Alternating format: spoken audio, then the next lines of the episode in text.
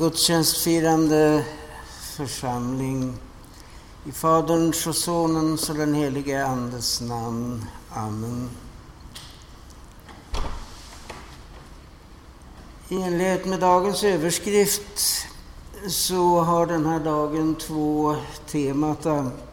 Nåd och tjänst. Först talar vi om Guds nåd, det som vi får gratis. Eh, dagens psaltarpsalm nummer 25 i den nya evangelieboken tolkar på ett utmärkt sätt Guds nåd. Från den fjärde versen läser vi några ord.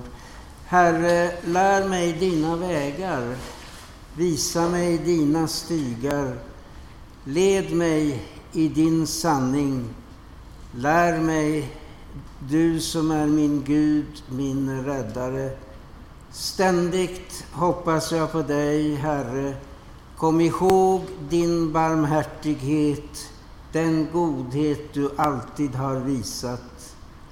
Herren är pålitlig och god. Allt vad Herren gör är nåd och trofasthet.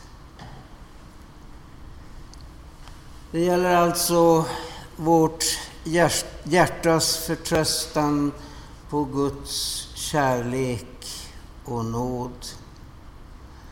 Jag tror också att det är vad som många av oss har erfarit av Guds nåd. Undervisning genom den helige Ande. Tröst genom Guds ord och barmhärtighet i löftet om syndernas förlåtelse och evigt liv.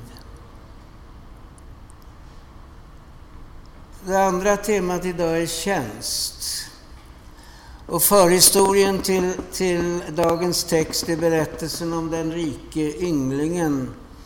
Han vill ärva evigt liv och säger, säger sig ha följt buden.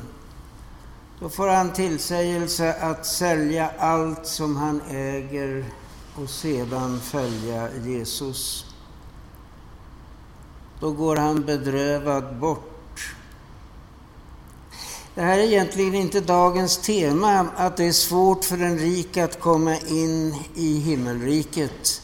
Men vi kan i alla fall ta varning och inte binda oss för mycket vid denna världens goda. Efter den här händelsen så frågar alltså lärjungarna genom Petrus hur det ska gå för dem. Och Matteus evangeliet är det enda som har löftet till lärjungarna att de ska få sitta som domare. Nu har eh, det här ordet domare inte samma betydelse som vi lägger i ordet domare. Ni vet domarboken i Gamla testamentet. Domarna var ett slags ledare. Så att eh, vara domare i den här betydelsen är ungefär detsamma som att härska eller ha, ha mm, ledningsuppdrag. En gång lärde jag mig störst är att tjäna. Det finns eh, en eh, spänning mellan att tjäna och vara med ett eh, gammalt uttryck